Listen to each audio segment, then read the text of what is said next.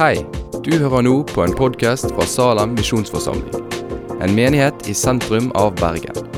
Vil du vite mer om oss eller komme i kontakt med oss, gå inn på salem.no.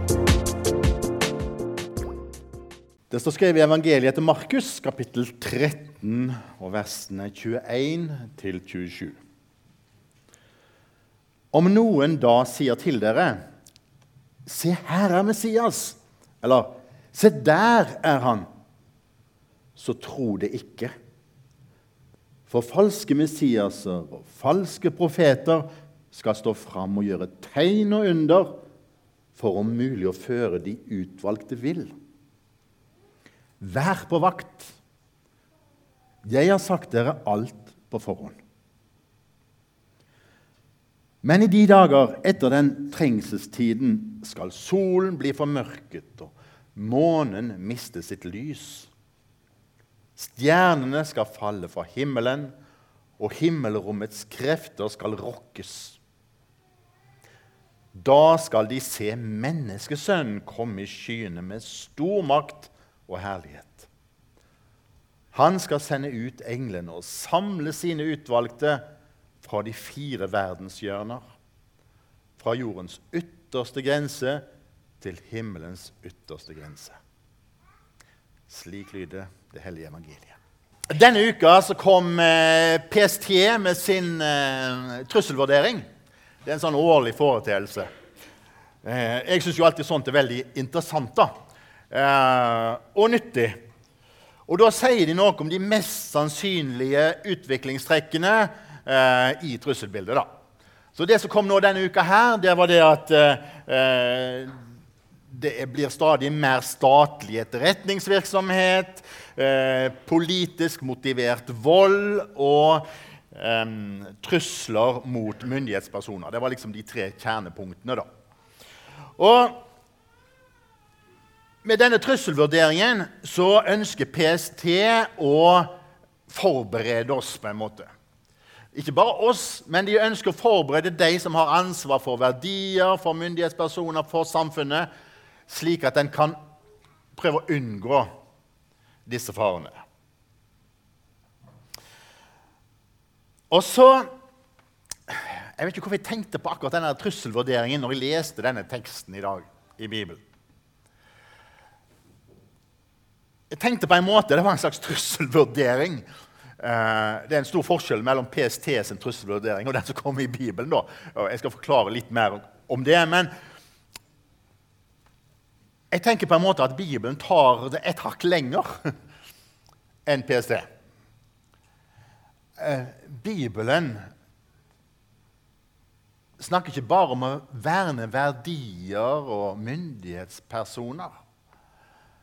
Men Bibelen snakker om å berge deg for evigheten.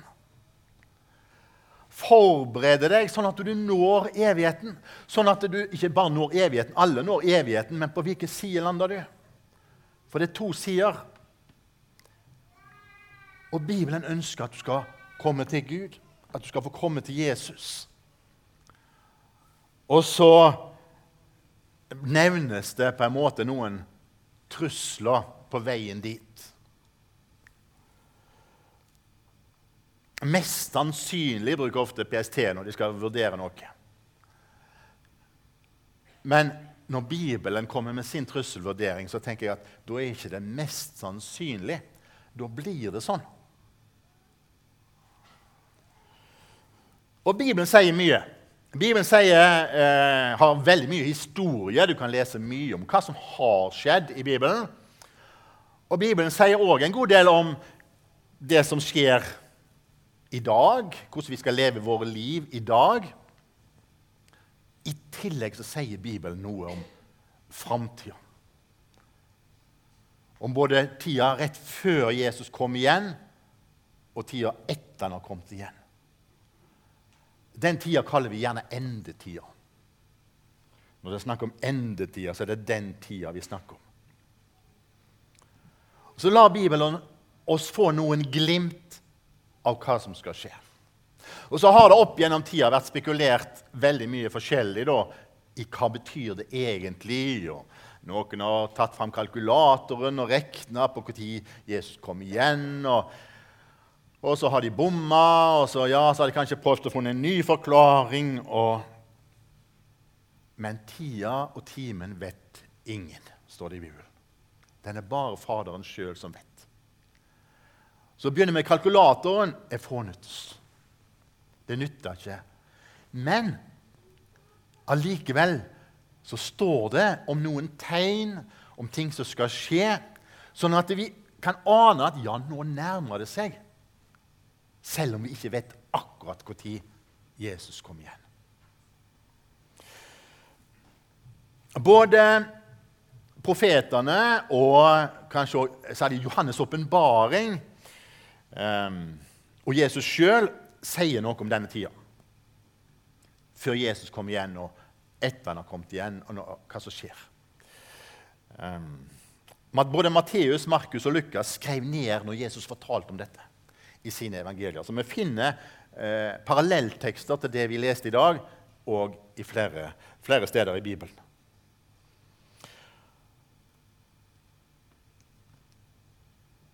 Markus 13 snakker om trengselstider. Når jeg satt og forberedte denne talen, så satt jeg og tenkte å, må jeg snakke om det? Og så var det søndagens tekst. For det er ikke kjekt å snakke om det som kan virke skremmende. Men samtidig så er det noen ganger nødvendig for at vi skal være forberedt. For at du skal være forberedt, så ikke du går deg vill på veien. Sånn at du faktisk når målet. Så det er greit å få opp noe veiskilt, veiskilt sånn at du går den rette veien. Det står i dagens tekst at det skal komme falske messiaser og profeter i den siste tid. For falske messiaser og falske profeter skal stå fram og gjøre tegn og under for om mulig å føre de utvalgte vill.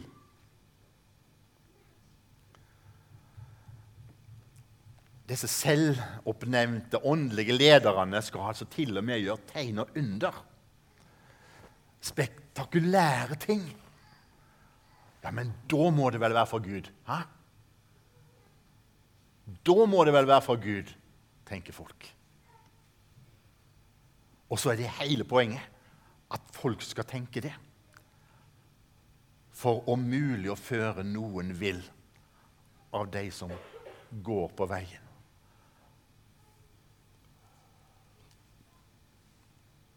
Og Samtidig så tror jeg at det, eh, falske profeter og Messias ikke nødvendigvis alltid er personifiserte. Alltid er den eller den eller et eller annet sånt. Jeg tror faktisk det at det, eh, veldig mange kan være med og bidra, kanskje noen ganger uten at de er klar over det sjøl, ved å formidle fake news om Bibelens budskap. Ta fram ting som de har hørt, og som de hører så kristelig og fint ut. Og så er det fake news. Det står ingenting om det i Bibelen. Men så kan det være med å føre folk bort fra veien. Og Det syns jeg er ganske alvorlig. Det kan gjerne bli presentert som et kristent budskap. En setning som mange bruker her Ja, men alle ble frelst til slutt. Jeg vet ikke om du har hørt det? Alle blir frelst til slutt. Underforstått du trenger ikke ta det så veldig alvorlig. Alle blir frelst til slutt. Hvor har de funnet det i Bibelen, da? Jeg har aldri funnet det i min bibel. At alle ble frelst til slutt. Men jeg har funnet mange bibelvers som sier det motsatte. Dere har sikkert lest det mange ganger sjøl òg, den lille Bibelen. For så høyt elsket Gud verden at han ga sin sønn den enbårne, for at hver den som tror på ham, ikke skal gå fortapt på den ene sida, men ha evig liv på den andre sida. Det er to utganger. Og så kjenner dere sikkert også det som står i Johannes 14 eh, om 'Jeg er veien, sannheten og livet'. Ingen kommer til Faderen uten ved meg, sier Jesus. Og Da nytter det ikke å tenke at ja, men det fins jo andre religioner som òg fører til Gud. og det finnes jo... Nei, de gjør ikke det. Ingen kommer til Faderen uten ved meg. De falske Messiasene og de falske profetene kommer med en lære, en falsk lære, om hvem Jesus er. Og en falsk lære om hvordan vi som kristne skal oppføre oss, om kristen moral. Hvordan vi bør leve. Derfor står det Vær på vakt. Er du på vakt? Jeg tar ofte båten til jobb. Jeg har jo kontor her i dette bygget som regionleder. Og Da bor jeg i Knarvik, så tar jeg båten til jobb.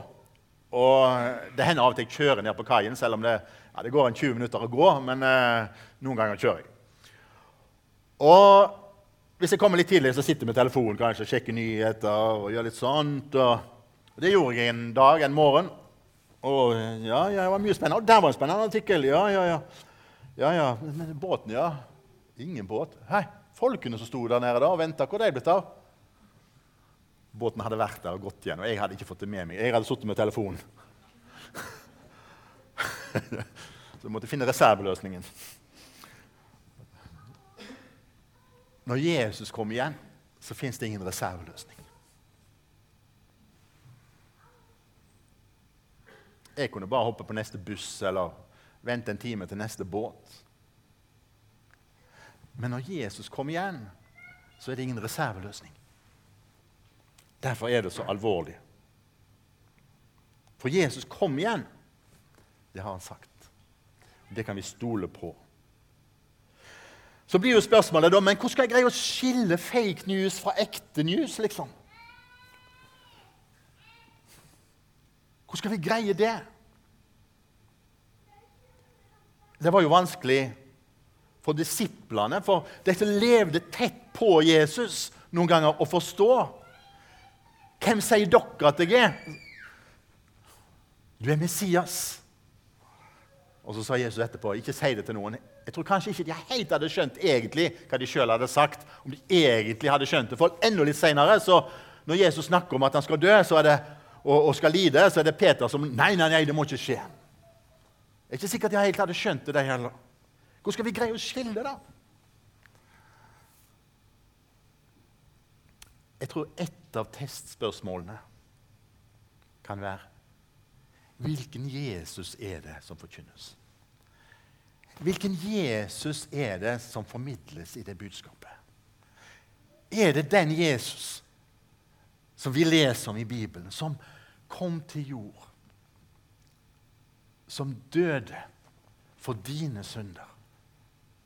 Fordi han var så glad i deg. Han ville ha deg med hjem til himmelen. Så han betalte hele billetten, som vi synger i en barnesang, for at du skulle få billetten til himmelen. Og så står han der med merker i hendene som et tegn på at se her, alt er kjøpt og betalt. Tro på meg, tro på det jeg har gjort for deg. Så har du alt i orden. Alternativet syns jeg er ganske skremmende. Og eh, Ikke sikkert du har tenkt over det, men du sier det faktisk hver gang du sier trosbekjennelsen. Nå skal vi si det litt senere i dag òg. Trosbekjennelsen. Hvordan slutta det andre avsnittet i trosbekjennelsen? Der vi snakker om Jesus Kristus. Jeg tror på Jesus Kristus, Guds enbårne sønn, vår Herre. Og så kommer det mange forskjellige ting, og så står det at han skal komme igjen fra himmelen for å dømme levende og døde. står Tror du på det du sjøl sier? Da jeg som barn hørte om dette, så ble jeg ofte litt redd. Det kunne virke ganske skremmende. I høst så, så leste jeg, jeg leste det flere ganger på nettet. Farenivå på rødt, liksom. Og Det var veslemannen sant, og fare for at eh, dette fjellpartiet kunne skli ut. Nå hadde de i løpet av natta beveget seg i øverste parti mellom 25 og 50 cm. Nå var farenivået på rødt. De hadde geologer de hadde instrumenter som målte alt dette her og, og leste tegnene. Og farenivået var på rødt. Hvilket farenivå er vi på i denne bibelteksten? Slik er det lett å tenke. Men da har jeg lyst til å si Selv om det var kanskje den første tanken som kom til meg som barn, og noen ganger kan komme til meg også som voksen, så har Jesus et helt annet fokus. Jesus vil ikke skremme noen inn i himmelen. Han vil forberede oss. Hvis du har vært ute og flydd noen gang, så får du jo høre før du skal ut og fly, at nødutgangene er der, og, og liv, altså, eh, er under setet og sånn og sånn osv. Så wow! Trenger vi det, da? Vi skal jo ikke dette ned. Vi skal jo ikke ut av døra. Nei, men de vil forberede oss. Når Jesus tar fram disse tingene, så sitter han på Oljeberget det ser vi litt tidligere i det samme kapittelet, da sitter han på Oljeberget sammen med fire av sine nærmeste disipler. Det er ikke noe sånn skremselsgreier over det. Det er mer sånn sjelesørgerisk. vet du hva? Jeg har bare lyst til å fortelle dere dette på forhånd, sånn at dere ikke går dere vil. Men dere når målet. Han satt der med Peter, Jakob, Johannes og Andreas, står det i vers 3. Og så sier han det for å trøste og hjelpe dem. Johannes' åpenbaring er jo som jeg nevnte, en bok hvor det står mye om endetid og om himmelen. Og, um, og jeg tror at det er ikke uten grunn at den boka har fått en tittel i mange sammenhenger 'Trøsteboka'. Særlig blant de forfulgte kristne. For trøsten ligger i det som kommer. Der venter det en himmel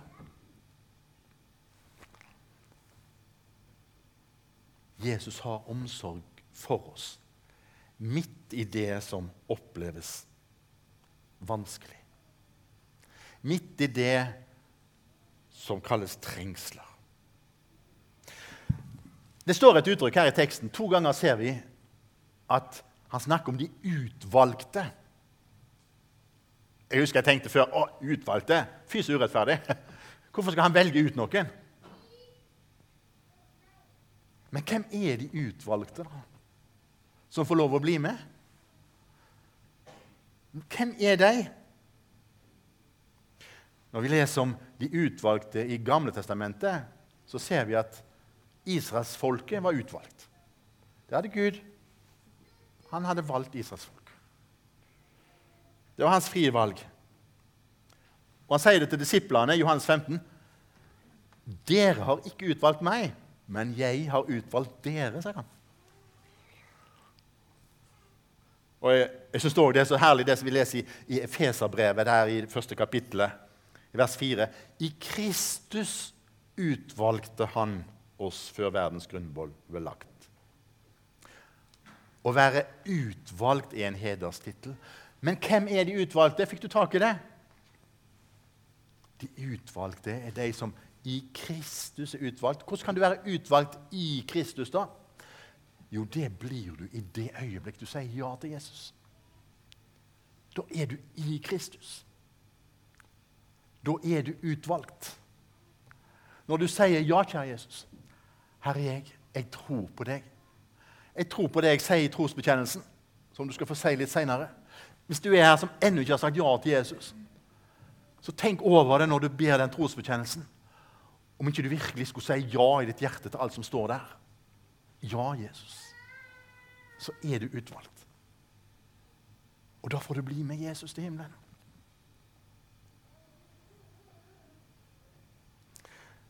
Men det står òg at han skal komme i skya, i makt og herlighet. Og da kommer han som en kanskje Han er den samme som han alltid har vært, men da presenterer han seg som noe annet enn det vi kanskje før har opplevd han som. For i Filipperbrevet for eksempel, der står det at eh, han ga avkall på sitt eget, tok på seg en tjenerskikkelse. Så kom han her til jord, og så levde han det livet som han strengt tatt Han hadde ikke trengt å komme her sånn hvis det bare var opp til han, men han kom hit fordi han var villig til å gjøre det Gud sa. Du må komme og gjøre den jobben, leve det livet, ta på deg den synda som alle mennesker er en del av. Tok han på seg en tjenerskikkelse. Så kom han igjen i makt og herlighet, som konge og som dommer. Og Da er det ikke noen reserveløsning lenger. Da er spørsmålet om du har tatt valget før han kom. Jeg tror ikke det blir sånn at 'Oi, der kom han. Ok, ok da. Nå, jeg, jeg, ja vel, jeg er med.' Da er du litt seint ute. Og det er store ting som skal skje. Det står at solen blir formørket, og månen mister sitt lys. Stjernene skal falle fra himmelen, og himmelrommets krefter skal rokkes. Stjernene og sola ble jo satt der for oss menneskene. For at vi skal ha dag og natt og kunne leve på denne jorda.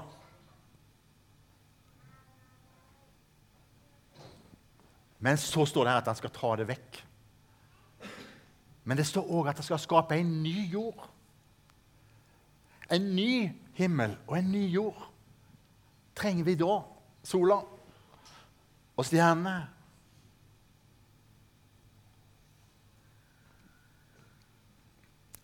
Det står at natt skal ikke være mer. Og lammet skal være lyset for oss. Det blir fantastisk å komme til himmelen, folkens. Jeg håper du vil dit. Jeg håper du er blant de utvalgte. At du har sagt ja til Jesus. For om du er blant de utvalgte, det bestemmer du i stor grad sjøl. Hvis du sier ja til Jesus, så er du blant de utvalgte.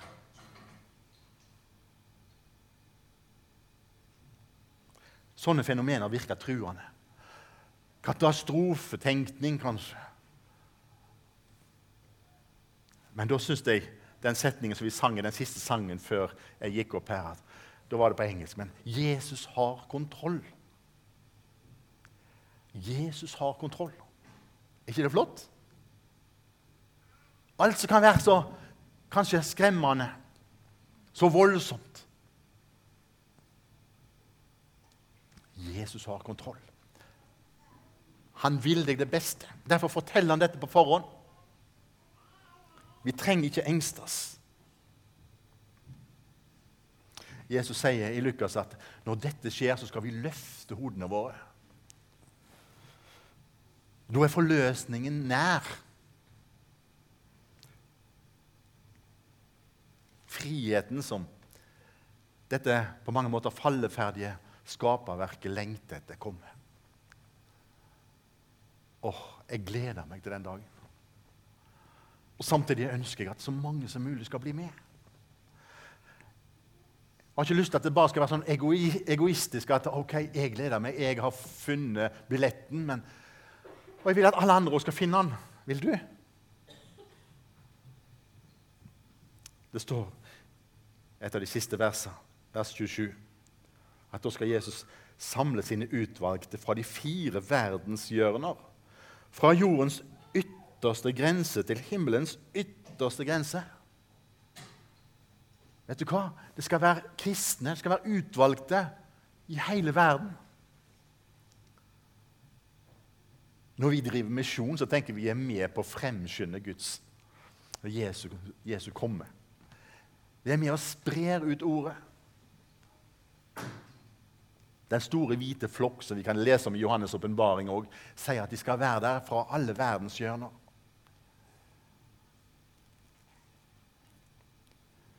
Og hvis noe er evig i denne verden, selv om det er mye som skal forgå, slik vi leser det her, Det står at himmel og jord skal forgå. Men mine ord skal aldri forgå. Vi kan stole på det Gud sier i Bibelen. Jesus har gjennom disse versene, som kanskje tilsynelatende kunne virke så skremmende, egentlig vist oss sin omsorg. Han ville ha dem med hjem. Han ønsker ikke at noen skal gå seg bort på veien. Heller ikke du. Ære være Faderen, Sønnen og Den hellige ånd, som var og er og være skal, en sann Gud, fra evighet til evighet. Amen. Takk for at du har hørt på podkasten fra Salem, Bergen. I Salem vil vi vokse i et stadig dypere fellesskap med Gud og med hverandre. Vi vil være Jesu hender og føtter, og vi vil være med og forkynne frelse for Bergen og resten av verden. Besøk oss gjerne på salem.no om du vil vite mer.